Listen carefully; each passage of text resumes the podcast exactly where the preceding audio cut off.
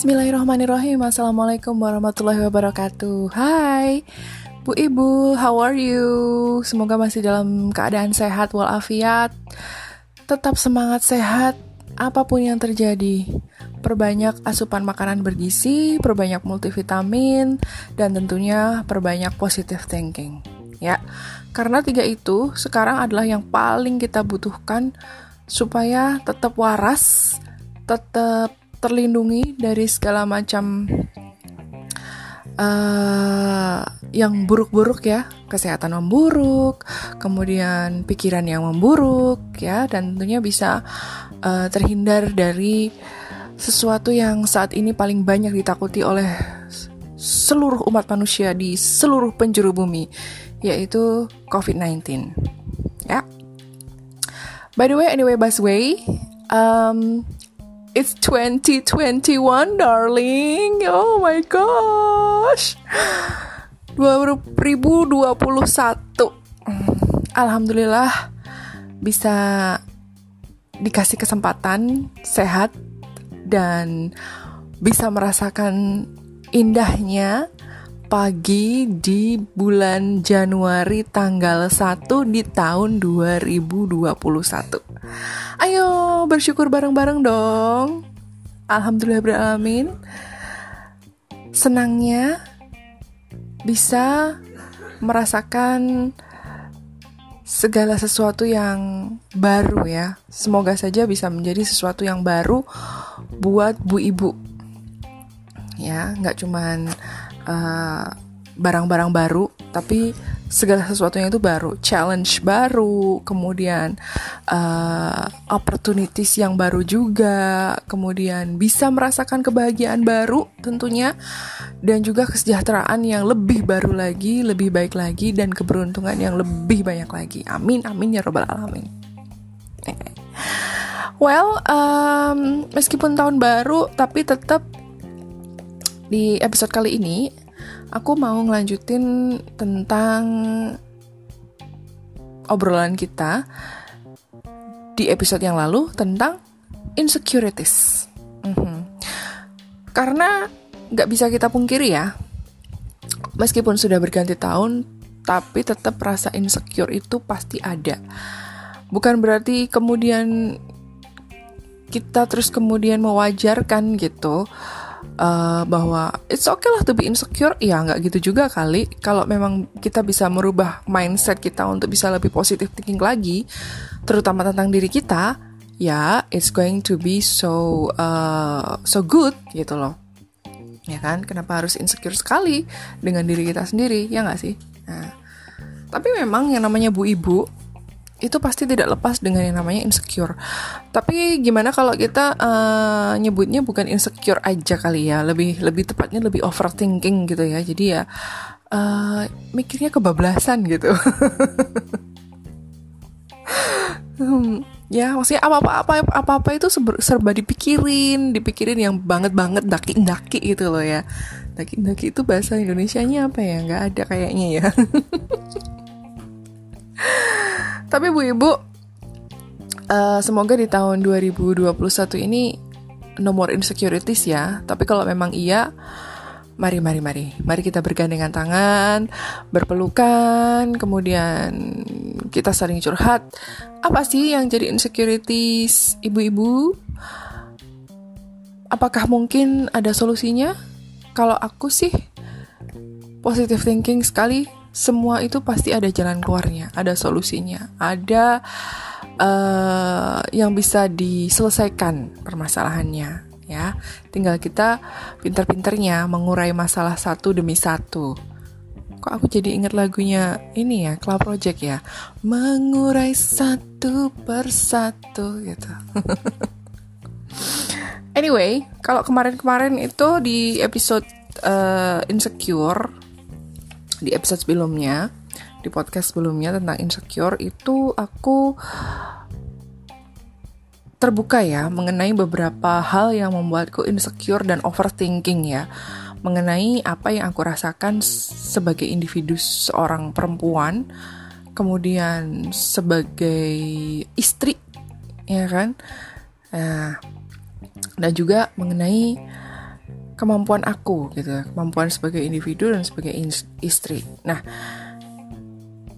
kira-kira apa lagi sih yang sebenarnya dirasain bu ibu itu dalam kehidupan sehari-hari? Apakah cuman insecure masalah diri sendiri? Apakah cuman uh, insecure karena kemampuan diri gitu ya? Mempertanyakan kemampuan dirinya uh, dalam mengurus rumah, dalam mengurus anak gitu ya? Ternyata nggak cuman itu loh. Nah, apa ya? mungkin bu ibu juga belum mau mengakuinya, tapi sebenarnya ini memang dirasakan. Ya. Oke, okay, let's try to figure out ya dan kalau memang kita satu aliran ya don't worry, don't worry, you're not alone dan kita bisa cari solusinya bareng-bareng itu. Nah, apa sih kira-kira insecurities yang dirasakan sama ibu-ibu juga? Well, kalau boleh bilang, kita akan ngerasa insecure itu adalah perasaan insecurities yang berkaitan dengan suami kita. Ah, emang dia salah apa ya? Mungkin bukan salah suami kita, Bu tapi kitanya, kitanya sendiri ya dari dalam diri kita yang ngerasa insecure dengan suami kita gitu ya. Misalnya dengan kemudian mempertanyakan seperti ini. Apakah suamiku itu benar-benar cinta dan sayang padaku? Nah, begitu Bu. Ya kan? Mungkin setelah menjalani sekian tahun pernikahan, ya, mengarungi biduk rumah tangga bersama-sama, sudah banyak punya anak ya kayak saya misalnya empat orang anak kemudian suami ini masih cinta nggak sih sama aku? Nah, pasti ada pertanyaan seperti itu. Bu ibu pasti juga merasakan seperti itu, ya kan? Kalau emang bener cinta dan sayang sama aku sebagai istri ya, uh, nanti akan muncul lagi pertanyaan insecure lainnya yaitu seperti misalnya apakah suamiku itu rela berkorban apa pun buat keluarga? Ya keluarga yang sekarang nih yang kita jalanin. Ya. Kalau aku misalnya lagi begini kira-kira dia akan rela berkorban nggak ya? Aku misalnya begini kira-kira dia akan melakukan pengorbanan apa untukku untuk keluarga kita? Pertanyaan-pertanyaan seperti itu. Ini nggak baik sebenarnya ya, karena kita berarti sudah catastrophizing gitu loh, membayangkan hal yang buruk tuh terjadi gitu. Di mana kita nggak punya solusi apa pun. Jadi cuma bayangin, bayangin, bayangin sampai overthinking, sampai menguras habis lemak tubuh kita kalau ini sih saya mau ya itu jadi kurus gitu. Jadi langsing sih nggak apa-apa gitu. Tapi ternyata kurusnya tuh kurus yang nggak sehat gitu. Itu nggak baik ya kan?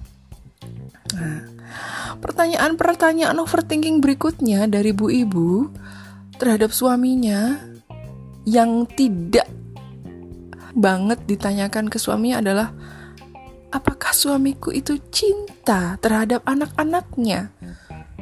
Ya kan pasti kita pernah mempertanyakan dong, bapak itu sebenarnya sayang gak sih sama anak-anaknya? Papi itu cinta gak sih sama anak-anaknya? Gitu kan?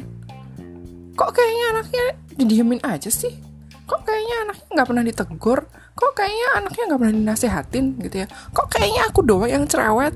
Kok kayaknya aku doang yang uh, bawel di rumah ini yang ngomel-ngomel kalau misalnya anak ada salah atau apa apa apa apa gitu nah, karena kadang mungkin menurut kita bukti cinta kita terhadap anak-anak itu dengan cara uh, banyak menegur, banyak menasehati dengan uh, beratus-ratus ribu kata yang harus kita keluarkan setiap hari untuk supaya anak kita tuh bener gitu ya.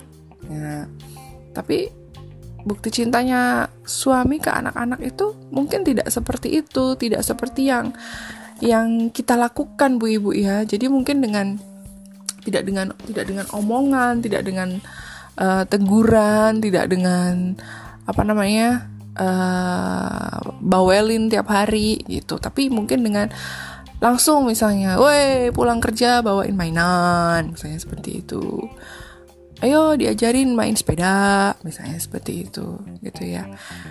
Karena memang how to show love itu pasti orang beda-beda gitu dan kita nggak bisa kemudian uh, menetapkan standar bahwa ini loh yang namanya cinta tuh seperti ini gitu. Apalagi pada anak-anak it's it's so much different gitu loh bahwa anak-anak pun akan merasakan kasih sayang dari ibu dan dari bapak itu pasti beda gitu loh bukan bukan secara kadar ya tapi uh, bentuk affectionnya tuh pasti beda gitu and I think it should not be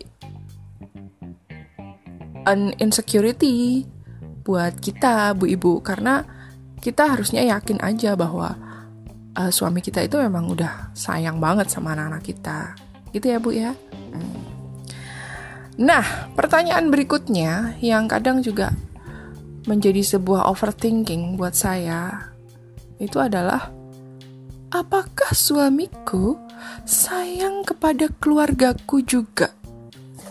Ya, maksudnya sama ibuku, sama adik-adikku, sama keluarga besarku, itu pasti ada dalam pikiran kita, ya nggak sih? Nah, it's true, ma'am. It's true. Nggak usah dipungkiri. Kadang kan ada ada lah ya, uh, misalnya suami yang ngerasa nggak kerasan gitu kalau misalnya lagi kumpul sama keluarga keluarga dari pihak istri gitu dan itu pasti akan jadi pertanyaan sebenarnya dia mau nerima keluarga gue nggak sih apa cuma formalitas doang nih hahehe kayak gitu ya kan? Well kalau untuk yang satu ini memang sebaiknya kita obrolin gitu loh. Kita obrolin bener-bener diobrolin. Jadi when you marry someone you have to marry a whole family gitu loh ya kan? Jadi nggak mungkin dong misalnya ah aku males lah ke keluargamu itu agak-agak gimana gitu. Ya ya let's talk about it gitu. Yang salah di mana yang kamu nggak suka di mana ya. Jadi kita bisa tahu gitu. Kalau misalnya kamu nggak suka sama dia tapi ternyata harus satu ruangan sama uh, keluargaku yang itu gitu ya kamu mendingan ngobrolnya yang kayak gini-gini aja deh kayak gitu. Yang yang asik-asik aja deh kayak gitu. Nggak usah terlalu yang ngobrol yang serius ngobrol yang daki-daki gitu nggak usah kayak gitu. Jadi biar kamu tuh tetap santai aja tetap cool kayak gitu. Ya karena udah kalau udah ngomongin keluarga besar itu memang harus harus harus uh, on point gitu harus harus memang diobrolin gitu. Nggak bisa gitu kalau cuma aku nggak suka sama itu aku nggak suka sama itu aku aku maunya sama yang itu tuh. Nggak bisa nggak bisa ya. Uh, kemudian uh, insecurities yang muncul di pikiran seorang istri terhadap suaminya itu adalah apakah suamiku itu selalu mendukungku? Nah, dalam artian gini, setiap keputusan yang diambil ketika tanpa kehadiran suami itu apakah kemudian ketika suami tahu dia akan mendukung? Nah, misalnya uh, beli anak mainan atau misalnya um, istri di rumah job Curhat. Soalnya aku kan ibu rumah tangga ya. Uh, dan tidak banyak kegiatan di luar yang aku lakukan gitu loh. Dan ketika misalnya kemudian ada teman lama, sahabat lama yang uh, ngajakin aku untuk uh, ngejob bareng gitu bisnis gitu. Kemudian aku iyain oke okay, iya ses oke okay, ready gitu. Nah itu tuh kadang kemudian aku mikir gitu. Aku tuh udah nerima karena aku kepingin aku juga apa ya uh, mengembangkan mengembangkan bakatku dan minatku kayak gitu. Ini adalah satu opportunity buat aku bisa uh, go public lah istilahnya ya. maksudnya nggak di rumah aja kayak gitu. Uh, bisa ketemu teman lama dan teman baru itu mengasihkan gitu kan ya. Nah tapi kemudian ada pertanyaan yang jangan-jangan dia nggak nggak suka lagi aku kegiatan di luar ya? Dia nggak dukung aku jangan-jangan ya. Tapi bener nggak sih kalau misalnya dia bilang iya ya udah nggak apa-apa gitu. Dia beneran nggak sih 100% apa enggak gitu loh. Jadi ada ada pertanyaan dalam pikiran saya itu seperti itu gitu. Nah untuk masalah dukung mendukung ini ini juga perlu dikelirkan lagi. Jadi uh, solusinya ya memang harus ngobrol suami istri ya gitu loh. Aku boleh nggak kalau misalnya aku ambil keputusan A ketika kamu nggak harus ketika kamu nggak ada di sini? Aku boleh nggak kalau misalnya tiba-tiba ada yang kayak ada yang ngajakin aku uh, ngejob atau bisnis dan aku suka, aku kepengen, aku mau, aku minat, kemudian aku ambil gitu kan. Kamu kamu bisa nggak ngedukung aku kayak gitu. Ya, obrolin aja kalau emang suami belum bisa ngizinin ya udah, Bu. Ingat. Ingat. Ingat dalam agama adalah yang penting itu ridho suami. eh tapi ini bener ya. Kadang kalau misalnya suami itu nggak ridho juga kita kayaknya ngerasa berat aja gitu loh kalau ngejalanin ya nggak sih? Ya nggak? Ya nggak? Ya nggak? Nah jadi tetap harus ada support. Apalagi kalau kayak aku misalnya I'm a full time mom kan. Jadi tetap harus ada support dari suami gitu. Karena dia mempercayakan semua uh, pendidikan anak gitu ya pengajaran di rumah pengasuhan anak itu ada di aku gitu. Jadi kalau misalnya aku harus keluar dan aku harus uh, ninggalin anak-anakku itu benar-benar harus di direncanakan gitu loh harus dipersiapkan gitu ya kan. Anak-anak nanti sama siapa anak-anak nanti harus bagaimana kayak gitu. Jadi itu uh, harus diobrolin dulu mengenai support mensupport ini. Nah kemudian One big insecurity yang muncul juga dalam benak seorang istri ya, itu adalah saat memainkan peran istri di saat-saat terintim. Hmm. Tahu kan maksudnya ya? Jadi gini, ya bu ibu ya pasti kadang pernah pernah berpikiran seperti ini. Apakah suamiku itu menikmati saat ber, saat saat berdua berdua ya berdua saja bahkan saat berhubungan intim? Pasti pernah deh. Ayo ayo ngaku. Pasti pernah kan punya pikiran kayak gitu? Dia beneran enjoy nggak sih dia beneran enjoy nggak pas lagi berduaan sama aku? Jangan-jangan pikirannya ke mana-mana. Masih mikirin kerjaan masih mikirin yang lain masih mikirin utang gitu kan. Padahal kan juga ya namanya istri juga pengen ya gitu ya merasakan uh, full affection gitu loh dari seorang suami. Ya nggak sih? Ketika pas banget anak-anaknya udah pada tidur misalnya ya uh, ngobrol berdua misalnya pillow talk atau misalnya ya diskusi-diskusi ringan aja seputar rumah rumah tangga kayak gitu. Apa misalnya ngobrolin apa kek rencana-rencana jangka panjang misalnya kayak gitu. Nggak harus nggak harus physical gitu loh tapi uh, heart to heart itu kadang kan kita juga kepengen gitu. Nah kita pada saat itu tetap ada pikiran yang menggerus gitu loh. Dia itu sebenarnya enjoy gak sih ngobrol sama gue gitu kan ya? Ya kan? Benar-benar menikmati gak sih? Nah gitu. Lalu one another big insecurity yang paling banyak banget dipikirin sama bu ibu. Aku yakin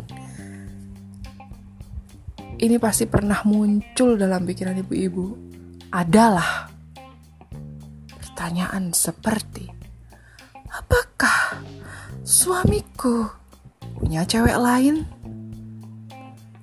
Apakah cewek lain yang dipikirin suamiku itu lebih dari aku? Ngaku aja bu, pasti bu ibu pernah seperti itu. Hmm, hmm ya kan?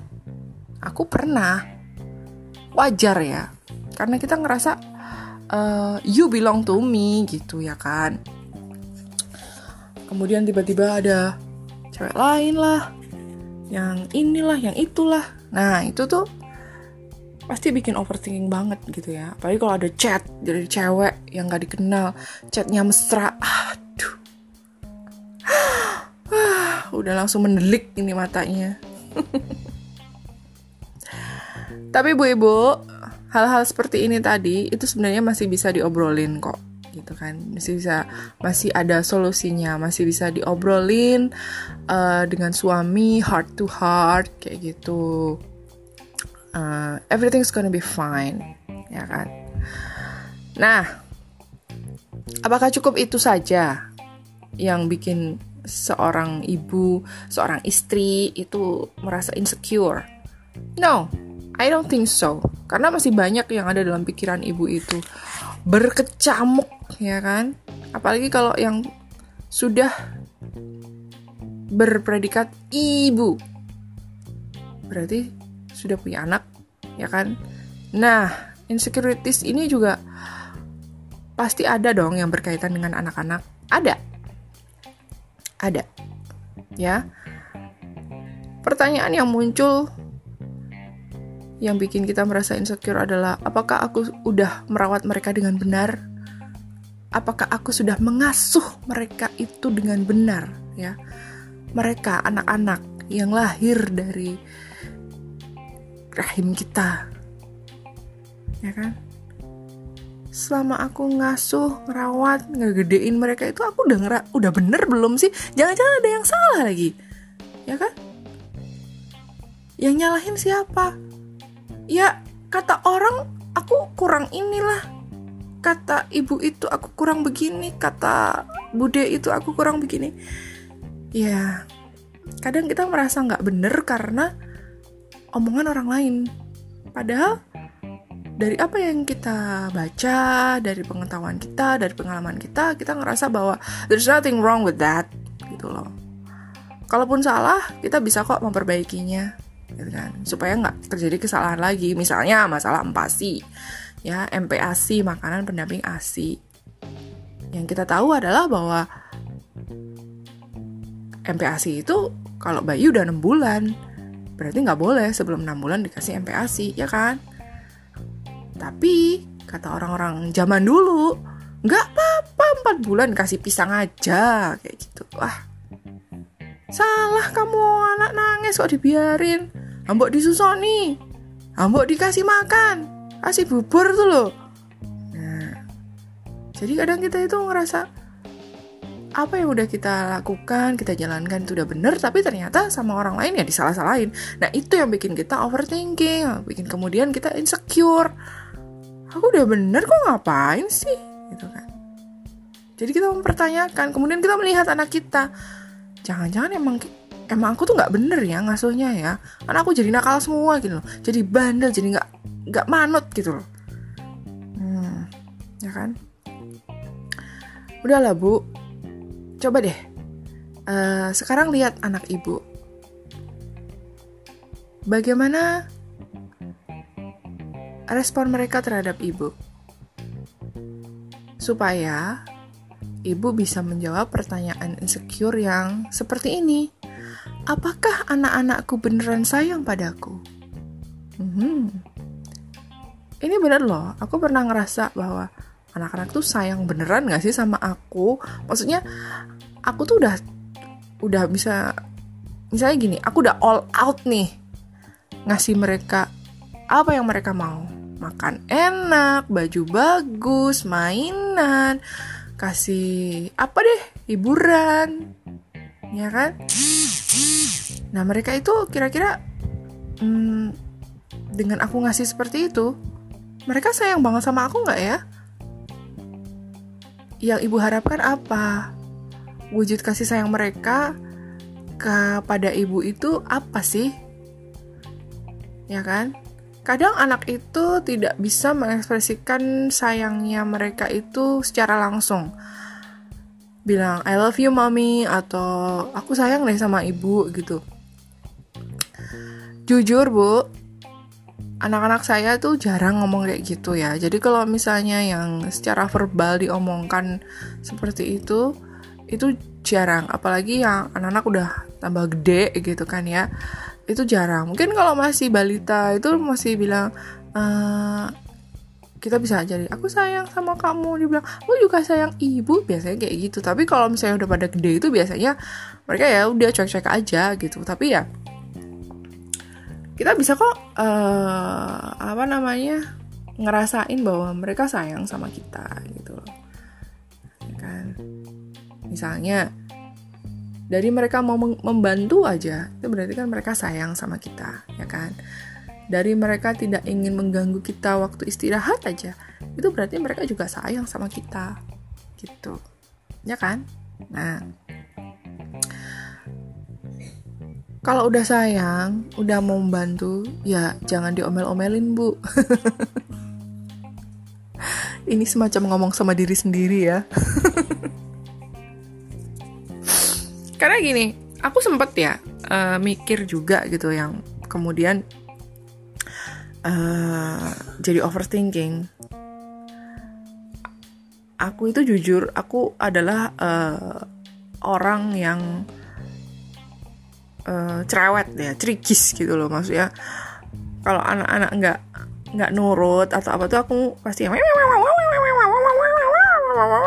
tapi aku nggak pernah main tangan no nggak yang dikit-dikit plak, dikit-dikit cubit, dikit-dikit jambak wah ini sadis ya ini ya uh, enggak jadi aku memang memang ayo itu diberesin gitu kan tapi aku juga ikut beresin gitu kan misalnya saya gini tiap pagi aku kan pasti nyapu gitu nah pasti kan ada mainan-mainan berserakan gitu kan di lantai gitu kan.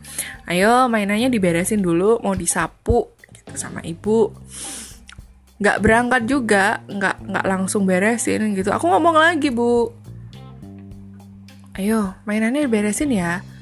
Ini bu mau nyapu, udah jam segini nih. Masa dari pagi belum disapu kayak gitu kan. Belum mangkat juga kayak gitu kan.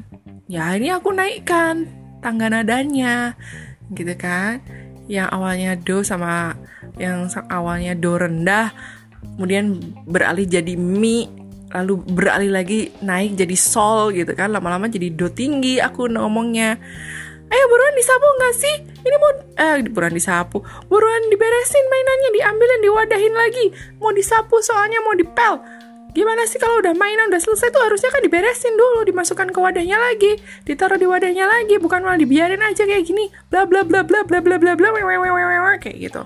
Aku tuh orangnya kayak gitu gitu loh. Nah, mereka nurut akhirnya.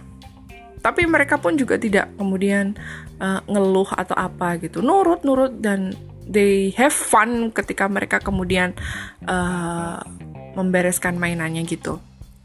Tapi kemudian yang terjadi di alam pikiranku ini adalah jangan-jangan anakku jadi benci sama aku ya waktu aku tadi ngomel-ngomel sama mereka gitu loh jadi aku merasa membenarkan uh, tindakanku ngomel-ngomel ke mereka karena mereka anakku. Tapi kemudian aku tuh ngerasa nyesel nyesel dan bertanya-tanya gitu dan jadi overthinking. Jangan-jangan mereka itu benci ya? Aku ngomel-ngomel ke mereka gitu. Aku aku aku yang ngomelnya tapi kan aku mengarahkan gitu loh. Bukan yang marah-marah nggak jelas gitu loh. Mengarahkan gitu nah tapi kemudian ya itu tadi bu. Jadi overthinking. Aku seharian isinya cerewet aja. Tapi kalau nggak dicerewetin mereka juga nggak bisa gerak. Tapi kalau aku cerewet terus nanti lama-lama mereka juga nggak mau sama aku. Gimana ya? Gitu. Ayo bu ngaku bu. Ngaku. Ada toh yang kayak gitu juga nggak apa-apa demi kebaikan anak kita ya kan tapi ya terus kalau uh, lagi marah sama bapaknya anak-anak ya anak-anaknya jangan dimarahin ya nggak sih ya. lalu ada pertanyaan yang membuat eh, ibu-ibu uh, itu juga sering overthinking adalah jangan-jangan anakku kurang gizi. ini sering karena pasti akan ada body shaming dari orang lain terkait dengan uh, postur tubuh anak kita. Wah anakmu kurus banget, nggak pernah dikasih makan toh, saya kayak gitu. Kemudian ada uh, overthinking lagi, gimana kalau seandainya anakku itu nggak pinter? Nah, pinter itu standarnya seperti apa? Kita pasti sudah mati-matian ngajarin anak kita ya toh. Yang anaknya di sekolah yang di sekolah yang uh, elit gitu pasti juga punya harapan bahwa hasil pendidikan sekolah elit itu akan membuat anak-anak kita pinter. Tapi tetap pasti ada overthinking gimana kalau seandainya anakku itu nggak pinter